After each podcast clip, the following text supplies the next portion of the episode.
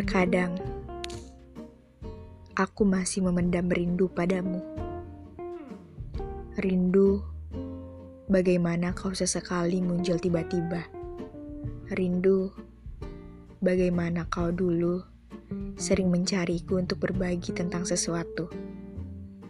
Rindu akan perhatian dan kepedulianmu akan hal-hal kecil.